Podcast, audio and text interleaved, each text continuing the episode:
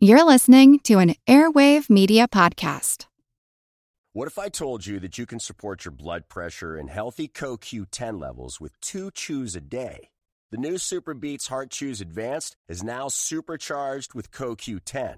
That's like getting CoQ10 for free. Our powerful blend of beetroot, grapeseed extract, and CoQ10 supports your cardiovascular health. Visit radiobeats.com and find out how you can get a free 30-day supply on bundles and save 15% with the promo code DEAL. It's lunchtime at Tim Hortons, and we're serving up a special deal just for you. Our new $5.99 lunch deal includes your choice of any lunch sandwich and a side of crunchy kettle chips. Because what's lunch without a little crunch? And the sandwich choice is all yours, like a ham and Swiss, Chipotle chicken wrap, BLT, and more, made to order just the way you like it. Tim Hortons new lunch deal. Simple, delicious, and just $5.99. Now that's a good deal. Only at your neighborhood Tim's. U.S. only. Price and participation vary. Terms apply. This is Kick Ass News. I'm Ben Mathis.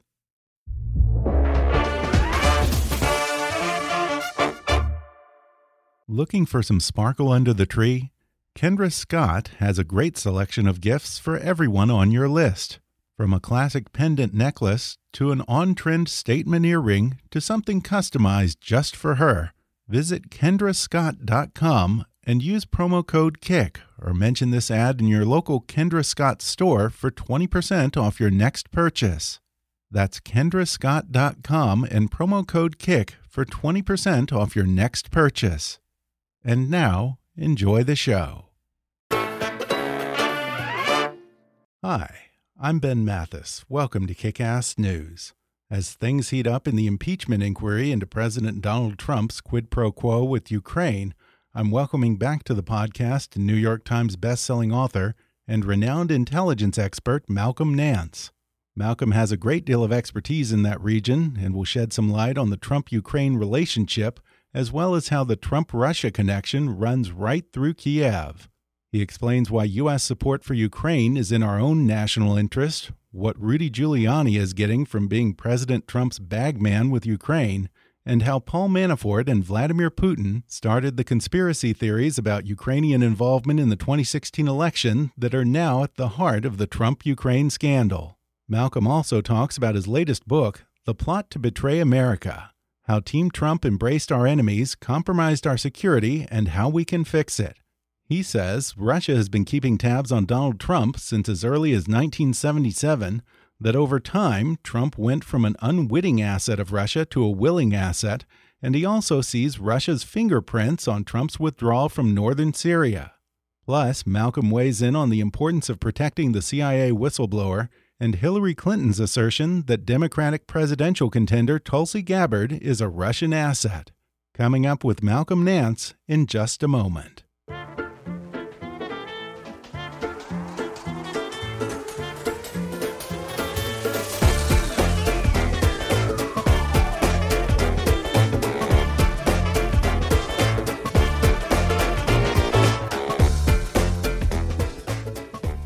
Happy to welcome Malcolm Nance back to the show. Malcolm is the author of the New York Times bestseller, The Plot to Hack America How Putin's Cyber Spies and WikiLeaks Tried to Steal the 2016 Election.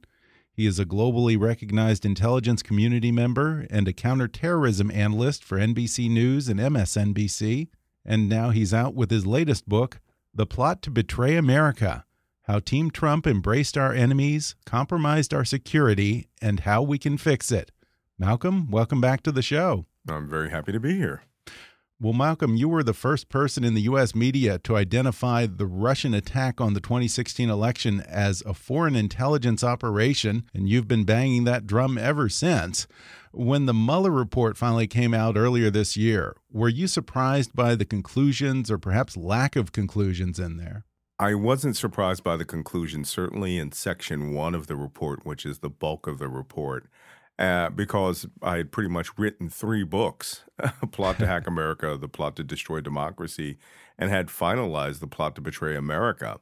And what I had done was precisely what later uh, U.S. journalists would come out and find, and, and what the Senate intelligence reports would find, is that Russia did carry out, indeed, an attack on the United States using information warfare assets in order to influence the American population and choose a individual, Donald J. Trump, as president of the United States. So it was no surprise to me that those findings were there.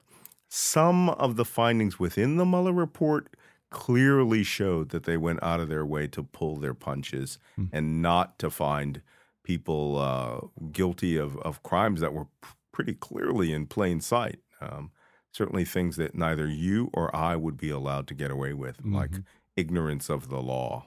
And the report, as you mentioned, couldn't link the campaign's involvement with Russia directly to Donald Trump. And of course, Attorney General Bill Barr released his famous memo, quote unquote, exonerating Donald Trump of any direct collusion or coordination with Russia. Uh, you don't seem to be very convinced by that. Why not?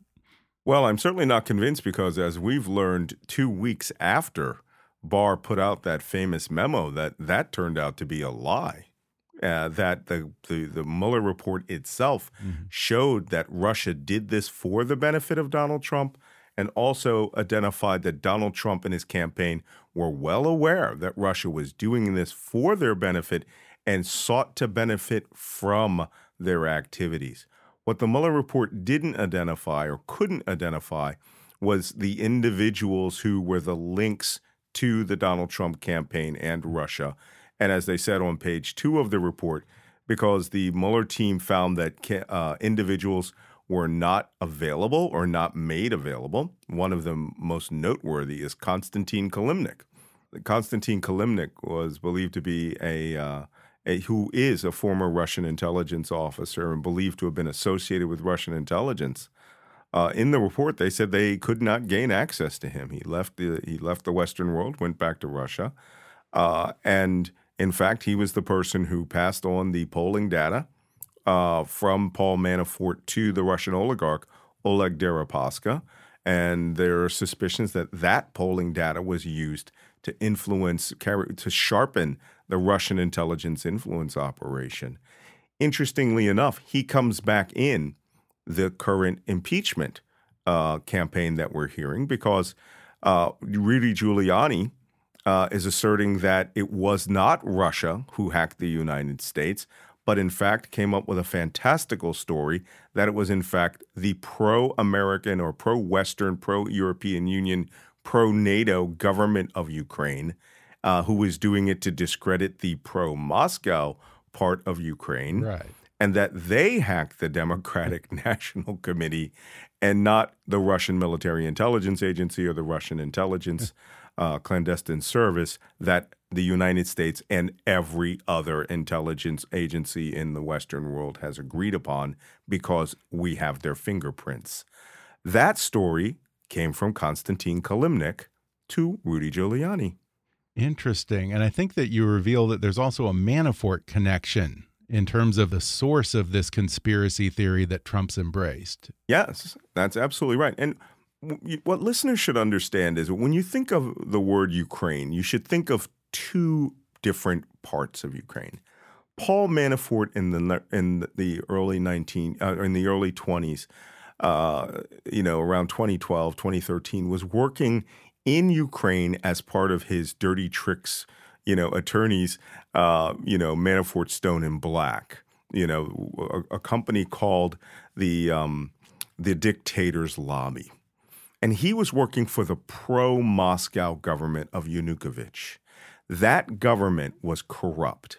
And it was not only corrupt, it was overthrown in a popular uprising called the Maidan movement, the Maidan uprising, which pushed him out of power, forced him to jump onto a jet and go back to Russia. Right. When they went through all of his political party's offices, they found a black folder, a black book they called it, which showed handwritten campaign, uh, I'm sorry, not campaign, but the handwritten bribes and funds played, paid to uh, lobbyists and dirty tricksters. And in there was Paul Manafort's name, showing that he may have collected as much as $70 million. Uh, you know, uh, and that money is what he was convicted for in his money laundering case. He was keeping it offshore in Cyprus, and he was bringing it to the United States through a series of, uh, you know, a series of illegal maneuvers. Uh, because all of that money was black money, it was dirty, dirty money that was taken from this this government. This whole campaign between Kilimnik and now Rudy Giuliani, trying to say even that folder showing Manafort was bribed or paid for all of his dirty tricks in Ukraine in the in you know in 20 you know around 2012 to 2014 that that is all fake. And that that everything we know about Paul Manafort is all been rigged against him. And in fact he asserts, Giuliani, that the Democratic National Committee servers were hacked by the pro NATO, pro European Union government of the Ukraine, and that all of this, that Russia and the pro Moscow Ukrainians and Paul Manafort are all innocent of everything that they've been accused of. Donald Trump has bought into this conspiracy theory and believes that that is the truth about the hacking of the 2016 election, which of course gets Vladimir Putin off the hook. Yeah. so, I mean, and absolves Russia of everything so Trump can go out and open you know, whatever is going on in his mind, whether he wants to open relations or lift sanctions mm-hmm. on the richest oligarchs. But he is clearly proving himself beholden to them to the point of utter obsequiousness. And for your listeners, that means slavish devotion. Yeah, that's interesting. So, you think that Trump's embrace of these wild conspiracy theories of Ukrainian involvement in the election and corruption involving the Bidens and Ukraine might also be a way of giving him cover or an excuse to back away from supporting Ukraine and adopt a more pro Russia policy? Well, he has a very pro Russia policy, even though sure. some of the things that he claims his administration has done against Russia were actually Congress doing them against Russia and, and the Defense Department just carrying out its natural duties in the defense of the United States.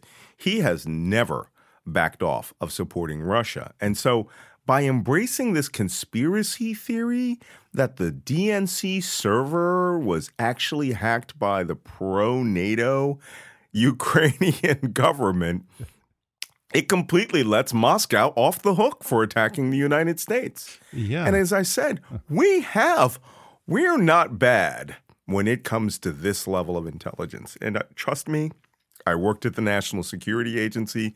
If it's electronic, we can track it and we can use it. We're good when it comes to that. And tracking uh, Advanced Persistent Threat 28 and Advanced Persistent Threat 29, known as Cozy Bear and Fancy Bear, uh, cyber malware suites that were used to attack the United States, was not very hard because the United States government, the, the White House, the Pentagon, civilians, and other agencies had been attacked by these Russian entities that belong to the Military Intelligence Directorate and the Russian clandestine service they had been attacked many times before. So we knew their digital fingerprints, but Russia also didn't know that we were in their actual building where these activities were occurring using a NATO ally. And we were literally watching their intelligence officers log into their secure workspace and then log into their computers. So the digital fingerprints and the you know the actual visuals are extraordinary.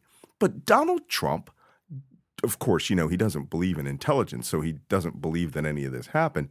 All he is doing is trying to get Russia off the hook, and it conveniently helps his, in his mind, he thinks this helps his case in his impeachment inquiry. Yeah. It's laughable if it wasn't so sad. Well, the other thing that I have to wonder is what did Rudy Giuliani get out of all this? I mean, at this stage in his career, why would he take just such an idiotic risk and sign up to be Trump's bagman for this quid pro quo with Ukraine?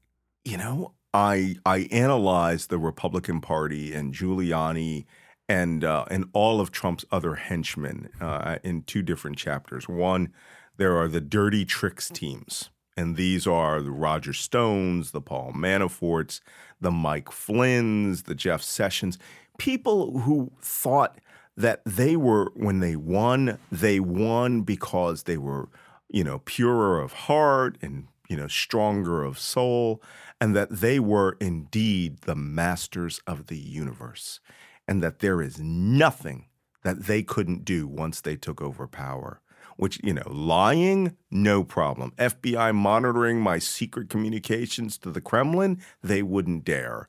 You know, investigate us because we're, you know, aligning ourselves with foreign powers, Saudi Arabia and Qatar and, you know, selling weapon systems to autocratic Turkey. No one will look into it because we own the universe. Hmm. This is where they made a mistake. Paul, you know, Rudy Giuliani, I think, is a hardcore true believer that all of his previous estimations of Trump were wrong and that you know his friendship with Trump has put him in a place where he is aligned with what Trump supporters believe is the greatest president in American history. And Donald Trump said that. Uh, you know, and I'm a scholar of of of, of you know history and, and military history, and I am a huge fan of George Washington. And for an African American to say that, that's something. Uh, you know, right. you know, usually big Lincoln fans, but George Washington was truly an extraordinary man. And to say that you are a better president than George Washington, who set all the norms, all the standards, and all the paces, shows a level of of you know mental pathology that re- that requires you know a second third and yeah. fourth look yeah and your book also really describes that as you kind of touched on a moment ago this motley group of characters that trump relies on including washed up or aspiring political hacks uh, shady business associates and various other random third parties I have to wonder, with all the resources at his disposal, why doesn't Trump do things through the normal channels? Well, he's well because he's played his game on the New York stock on the New York real estate market. Mm-hmm. And he, you know, this is why he got rid of all principals and he is getting rid of all the principals in his cabinet. Mm-hmm. He prefers deputies because he wants lackeys and gophers. And, you know, the way that you describe that, you know, as I wrote it in the book, the best way to describe it as, you know, a motley collection of grifters, liars, and thieves and including Rudy Giuliani, which takes me back to your previous question. I want to answer that really uh-huh. quickly. Giuliani, I suspect, really truly believes that Donald Trump is going to be the greatest president in history because he drinks the same Kool Aid as the people who he sees at rallies. And they think that these rallies is our America. You know, and right. we all know that Donald Trump is ruling for 40% of America, not not the other 60%. And that's that masters of the universe, you know, tribalist attitude of we will always be the dominant tribe and the rest of you will dance to our tune. And I refer to this as not we, that the United States, in their estimation, isn't a constitutional republic. It's a constitutional autocracy mm-hmm. in which they keep the trappings and the you know the paper of the Constitution in front of you, but in fact they themselves are ruling as autocrats. And Giuliani has, you know, if you remember Giuliani time, right during his period in New York City, sure. he was pretty much an autocrat, right? And yeah. I think he has tied himself to Trump, and that I think he's a true believer that believes Donald Trump is the greatest president in American history. Huh. And you, you know what's worse? I have a prediction that he will be the first president of the United States who will have a black shroud over his portrait. that would be pretty dark. You know, I'm curious. The withholding of military assistance to Ukraine has been framed as a threat to U.S. national security. For anyone who might not be that well versed in the politics of that region, why is military support for Ukraine in America's national interest? Well, first off, eh, you know, I, I most people and I and I get this question quite often. They think, "Well, what does this country have to do with us? What do mm-hmm. we care? What do we care about this country that borders Russia?" Well, look at it this way. The reason that we fought World War II. And the reason that we fought the, the Axis powers, you know, with fascist Germany spreading across, you know, all of Europe and North Africa, along with Italy and Japan, who were, ta- you know, Japan taking over the entirety of Asia. The, the reason we fought this is because the United States, though it was still just a fledgling power who had only shown its might in the Spanish American War and World War I, stood for the, the concept that American democracy and its constitutional basis was the heart and soul of what we thought ideologically should be spread around the world. And World War II showed us, the attack on Pearl Harbor and Germany's declaration of war on us showed we could not hide from the rest of the world. And so we mobilized and we brought our forces and our men, including my 15 year old father and my World War I veteran grandfather, who both went and fought in World War II, in order to defeat this ideology of power destroying humanity and and using you know dictators and autocrats to choose uh, you know to to to determine how people lived. And the concept of the right to self determination for your own country to determine how you want to live in freedom and in peace became a ground uh, foundation of our world and why we lost all those men and spent all that treasure in World War II. And I, I often tell people if you really want a good look at how people truly felt back then, go watch the movie Captain America, the first Avenger. really? And you see a character who is truly steeped in the belief that we, America, are fair mm. and good and strong and are aligned against horrible powers. Mm. And the you know, there's actually a great book called The Virtues of Captain America, which outlines that truth that my mother and my father, you know, grew up in. And that was the fundamental underpinning for why we created the United Nations and why we created the North Atlantic Alliance in order to maintain that stability and help nations achieve democracy and self determination. Mm-hmm. When the Soviet Union collapsed, after holding all of Eastern Europe hostage from the end of World War II. Remember when they took over all the governments, established communist governments, established KGB control over their intelligence apparatus and their police forces. They were slaves to the Soviet Union. So when the Soviet Union collapsed in 1989, all these nations, Ukraine, Latvia, Lithuania, Estonia, Georgia, Kazakhstan, Tajikistan, Uzbekistan, they were given for the first time the right to self determination to determine how they would govern themselves since the end of World War II. Ukraine chose to go into a pro Western alliance.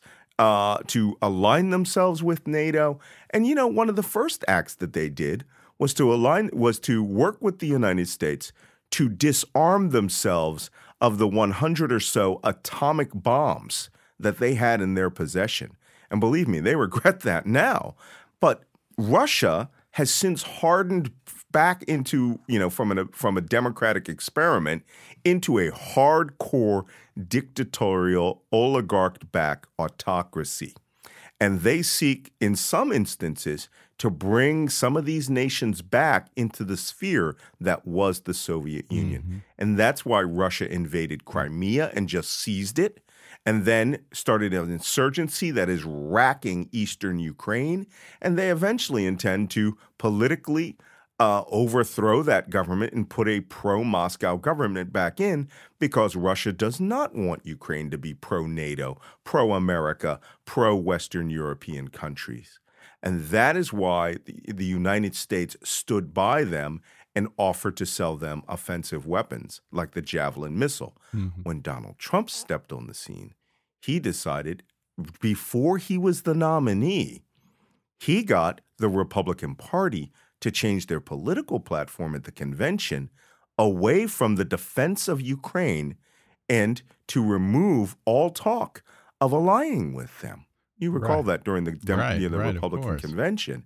That came, according to Rick Gates, from Donald Trump's team, hmm. which was led by Paul Manafort, right? Right. Uh, who had been a paid dictator's lobbyist Right. for the pro Ukrainian government. Ukraine now is sort of a Rorschach test for whether you truly believe in democratic, you know, democratic alliances and whether we should support our NATO allies or whether you believe Donald Trump is correct in all things and Ukraine should go back into the Soviet uh, the Russian sphere. See, I almost said Soviet and it's almost the same thing. Old habits die hard. Well, I want to go back a bit to the Soviet days and the origins of the Trump Russia relationship. You say in here that the KGB had been collecting intelligence on Donald Trump since as early as 1977. How did Donald Trump end up on their radar way back then? Well, if you recall back in 1977, uh, you know, from 1945 till 1989, all countries of Eastern Europe, and that is Germany, was split in half into a East Germany and a West Germany, with West Germany being the democratic side and East Germany being a communist country that was established by the Soviet Union. Uh, below them was Czechoslovakia, which was the former Czech Republic and the former Slovak Republic, thrown together into a communist Czechoslovakia. And then you had communist Hungary, communist, you know, Bud- you know, uh, communist Bulgaria, uh, communist Poland, communist Latvia, Lithuania, Estonia, and communist Ukraine were all part of the Warsaw Pact, which was an alliance of nations that was forced upon them by the Soviet governments, that was forced upon them after they created a iron wall and decided that that part of the world would fall under communist sphere. The Czech Republic at that time in 1977 was a communist country for almost 40 years. Uh, and um, actually 30 years. Uh, and Donald Trump's first wife, Ivana, was a citizen of the Czech Republic. And when she would go home or when she would call home, she was under complete surveillance from the Czech intelligence agency. Now, Wow. Luke Harding and a German uh, magazine, Bild, and the local Czech, Czech paper in Prague did extensive research on this and actually got all of the written, written records from the Czech intelligence agency on Donald Trump. Wow, that's incredible. And so, yeah, it's a great story, and I'm I'm reemphasizing it because it it was lost to a certain extent in in 2017 when it was 1st Mhm. written about. But Donald Trump's wife and her father, who was the reporting authority for Czech intelligence, he was the informant, knew everything about that family. And they would monitor all the phone calls. They monitored all the visits they made there. They saw that, you know, uh, you know, monitor the, you know, the the the Donald Trump's political aspirations. And Czech intelligence was a direct subordinate agency to the KGB. It was run by the KGB. And Donald Trump's information went to a main database back in Moscow. And when he decided he wanted to visit the Soviet Union in 1988, the Russians knew 10 years of information about him that he had told no one, including Wow. his aspirations to run for president in 1988. So the Soviets facilitated his trip and entertained his fantasy of building a Trump Tower in Moscow in 1988. Fast forward in 89, the communist you know, government collapses and Russia goes into this paroxysm of transforming into a capitalist country. But you have to remember, Russian intelligence didn't change. And Vladimir Putin went from being a mid level KGB officer in East Germany to being the head of Russian intelligence under Boris Yeltsin because he blackmailed the prosecutor general who was investigating Yeltsin. So he acquired all of Donald Trump's files. Yeah. And then by 2014, when Trump came for Miss Universe, if you're an ex KGB officer and Donald Trump is there and is begging for a tower, like all good intelligence officers, you say, Bring me the file on Donald Trump. And when Vladimir Putin looked back into this file on Donald Trump, stretching back four decades now, Mm. what do you think that he saw that made Trump an attractive, quote unquote, useful idiot for Russia? Oh, more than a useful idiot. He just started as a useful idiot. I think he, he was a useful idiot in 1988 when he didn't know what was going on around him, and his statements, uh, you know, were helpful to the Soviet Union. His presence of flying to Moscow and going on tours with Intourist agency, which, by the way, is the KGB travel agency that shepherded around Bernie Sanders and anybody else that went to the Soviet Union at that time. You were under constant surveillance. So, so Trump was.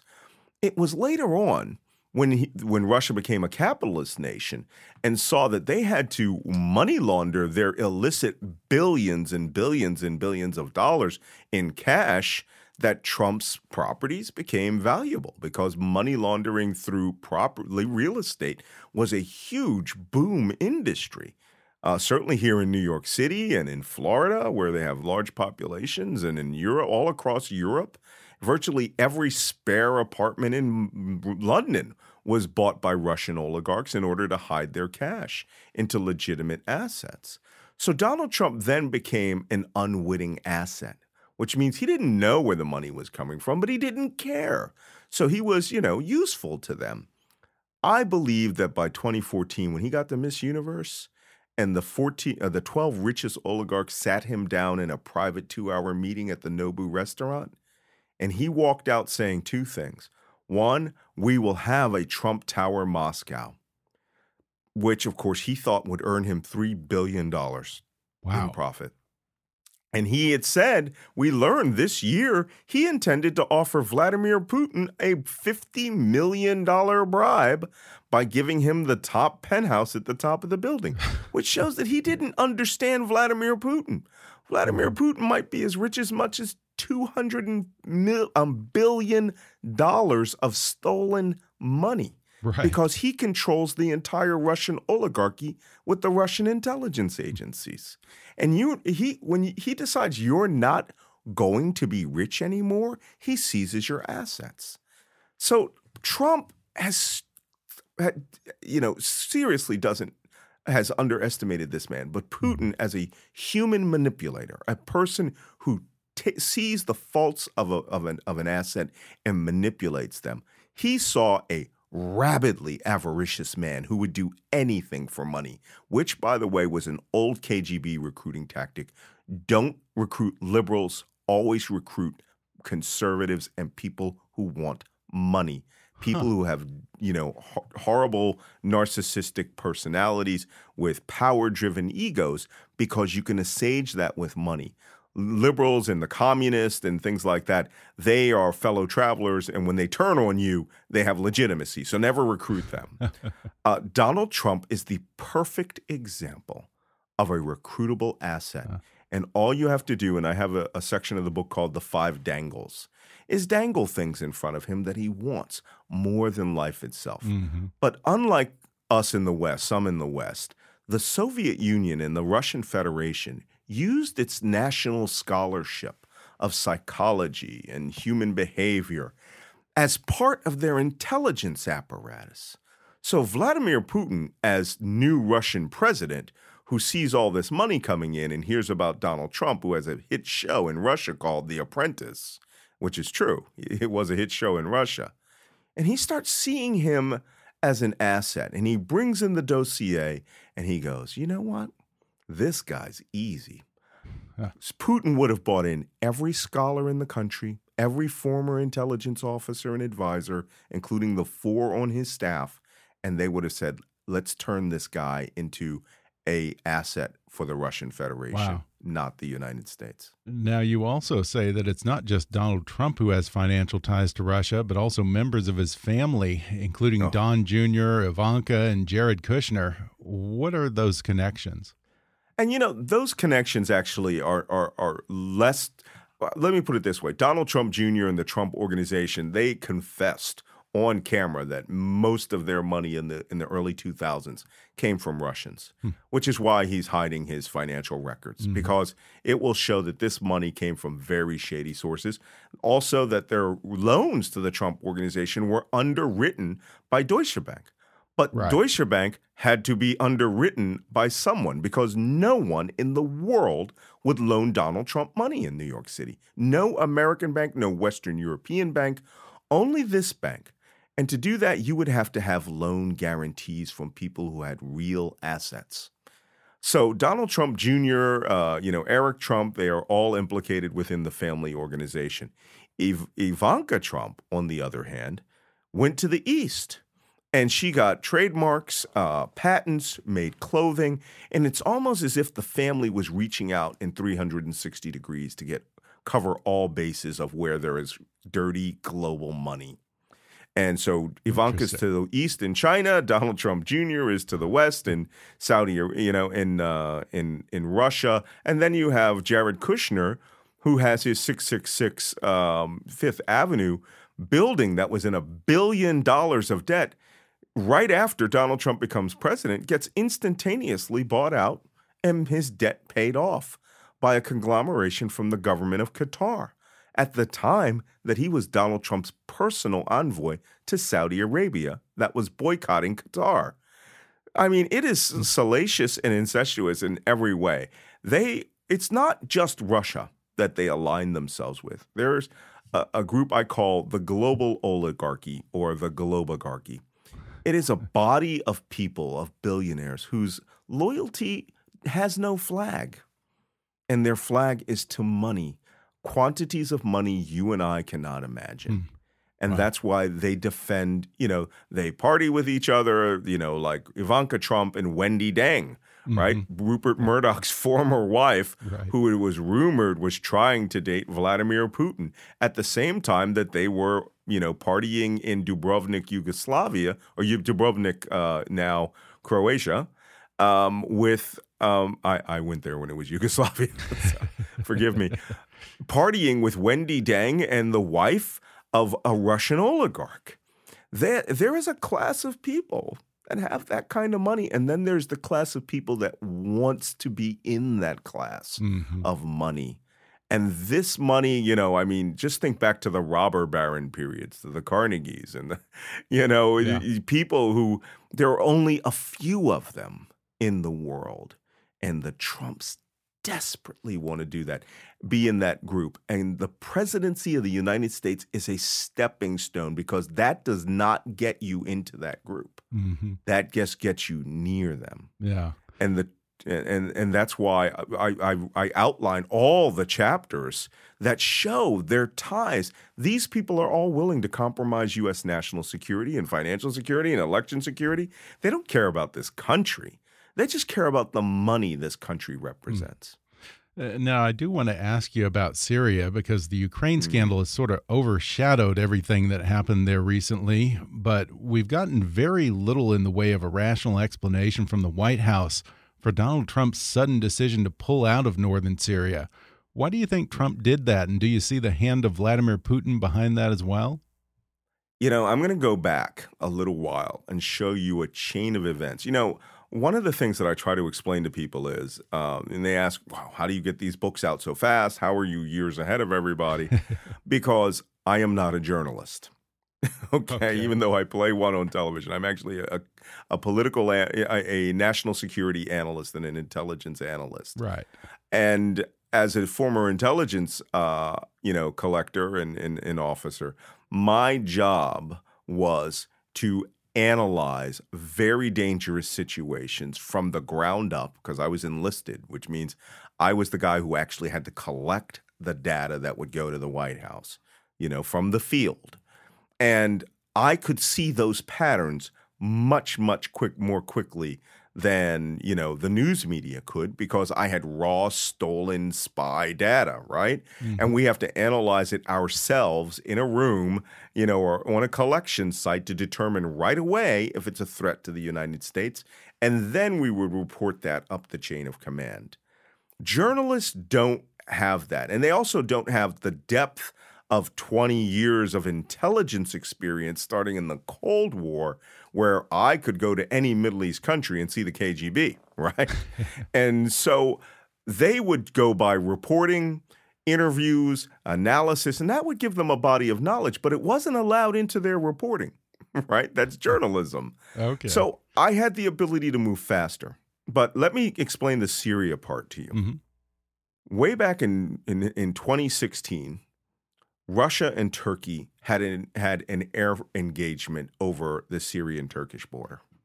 And a Russian uh, fighter jet was shot down by Turkey. Two months later, the foreign minister of Russia shows up in Istanbul, has a quiet meeting with Erdogan.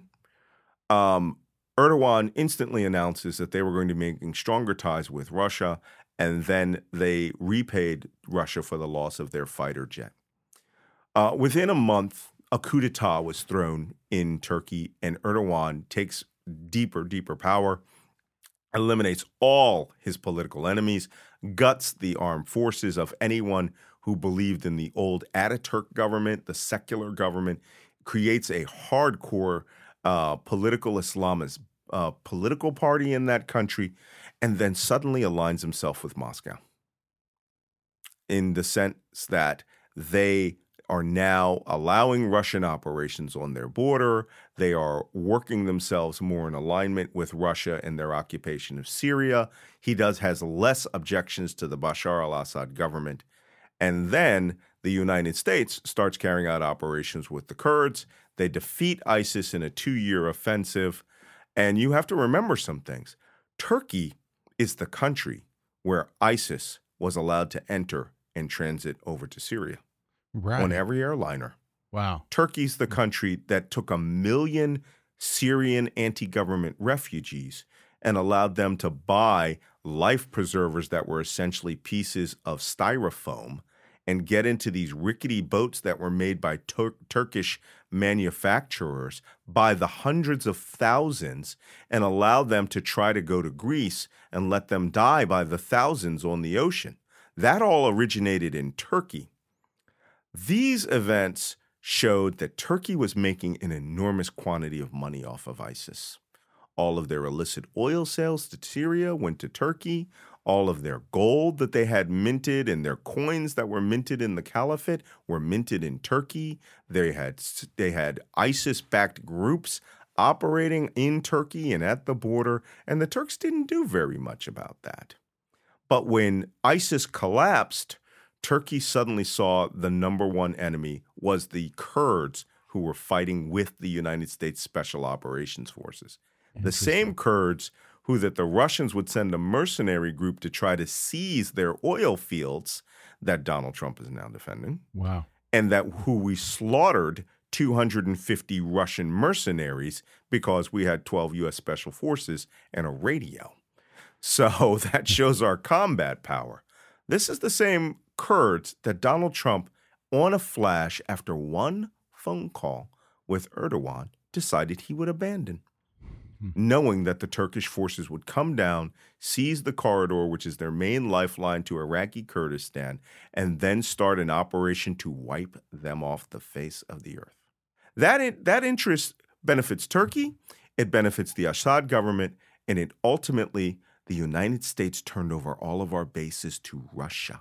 You know, as a longtime intelligence guy, I want to ask you Republicans like Senator Rand Paul have floated the idea of outing the CIA whistleblower, and Don Jr. supposedly did expose the alleged whistleblower, or who he believes to be the alleged whistleblower. Do you uh, think that they're putting that person's life at risk? And what kind of Yes. obligation does the CIA have to protect that person? Well, first off, the whoever the officer was, whether it's a, a man or a woman, they were not working in a covert status, which means they were not part of the clandestine service and they were not having their identity protected as a part of their natural daily duties. Um, it is a crime to out a CIA officer who's in the clandestine service. Uh, but we don't know the status of this individual because he's protected, he or she is protected under whistleblower statutes, which say that you cannot name that person. Look, you're working in an office building, there's only so many CIA officers who have been assigned to you. You're pretty much going to be able to eliminate number one, two, and three that were on the phone call. If there was just one, it's easy.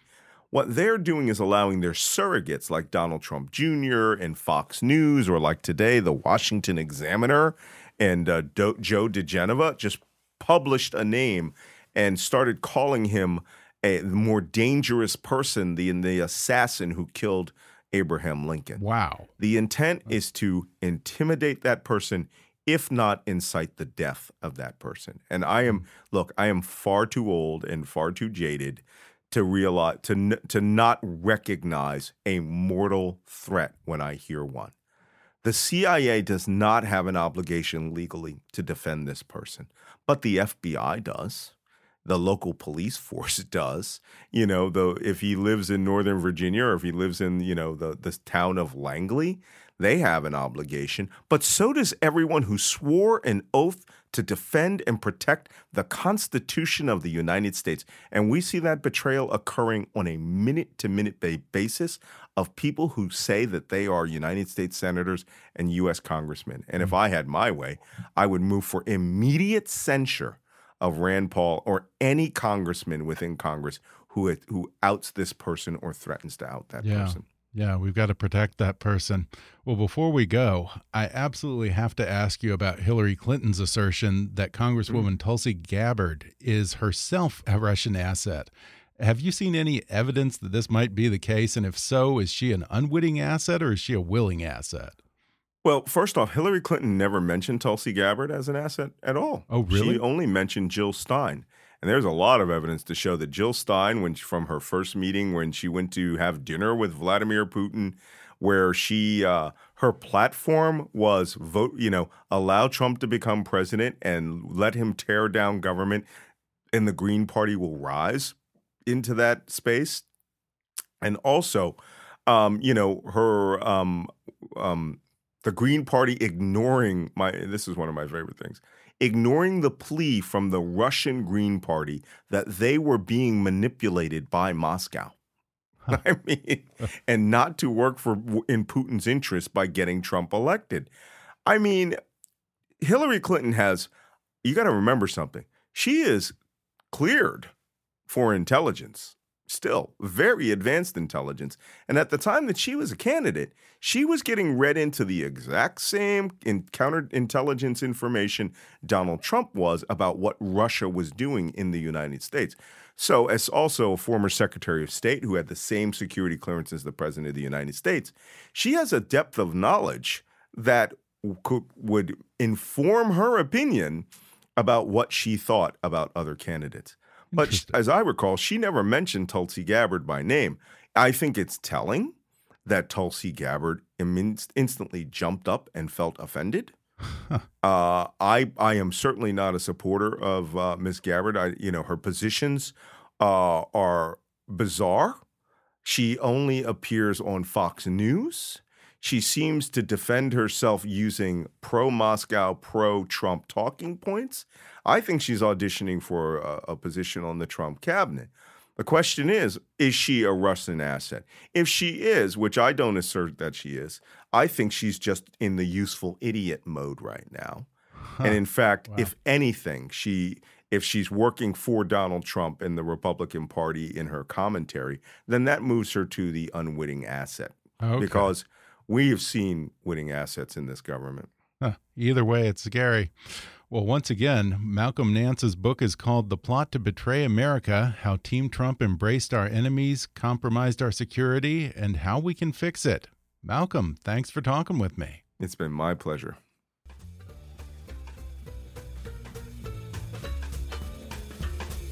Thanks again to Malcolm Nance for coming back on the podcast. Order his new book, The Plot to Betray America how Team Trump embraced our enemies, compromised our security, and how we can fix it on Amazon, Audible, or wherever books are sold. And follow him on Twitter at, at Malcolm Nance. If you enjoyed today's podcast, be sure to subscribe to us on Apple Podcasts and rate and review us while you're there. Five star ratings and detailed reviews are one of the best ways for new listeners to discover the show. You can also follow us on Facebook or on Twitter at, at KickassNewsPod and recommend us to your friends on your social media. For more fun stuff, visit kickassnews.com, and I welcome your comments, questions, and suggestions at comments at kickassnews.com. For now, I'm Ben Mathis, and thanks for listening to Kickass News.